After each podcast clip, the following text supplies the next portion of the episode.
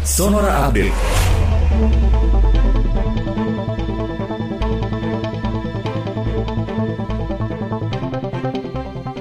Selamat pagi sahabat Sonora. Pemerintah DKI Jakarta mengaku sedang mengkaji berbagai kemungkinan termasuk menerapkan lockdown di ibu kota usai melonjaknya kasus pemerintah pusat.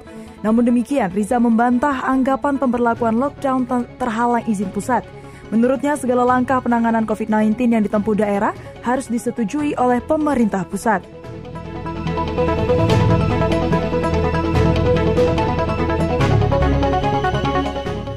Tingkat keterisian tempat tidur atau bed occupancy rate atau BOR di ruang isolasi rumah sakit rujukan COVID-19 di Surabaya melonjak. Kini angkanya mencapai 75,9 persen. Sedangkan bor ruang ICU telah terisi 80 persen.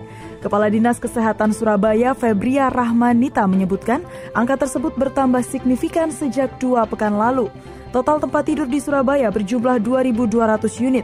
Jika sudah terpakai 75 persen, maka sisanya hanya tersedia 500-an tempat tidur saja.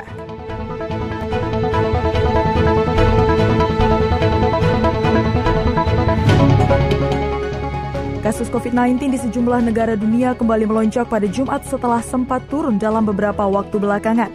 Secara keseluruhan, menurut Organisasi Kesehatan Dunia atau WHO, kasus COVID-19 di dunia mencapai 176.945.596 dengan angka kematian sebanyak 3.836.828.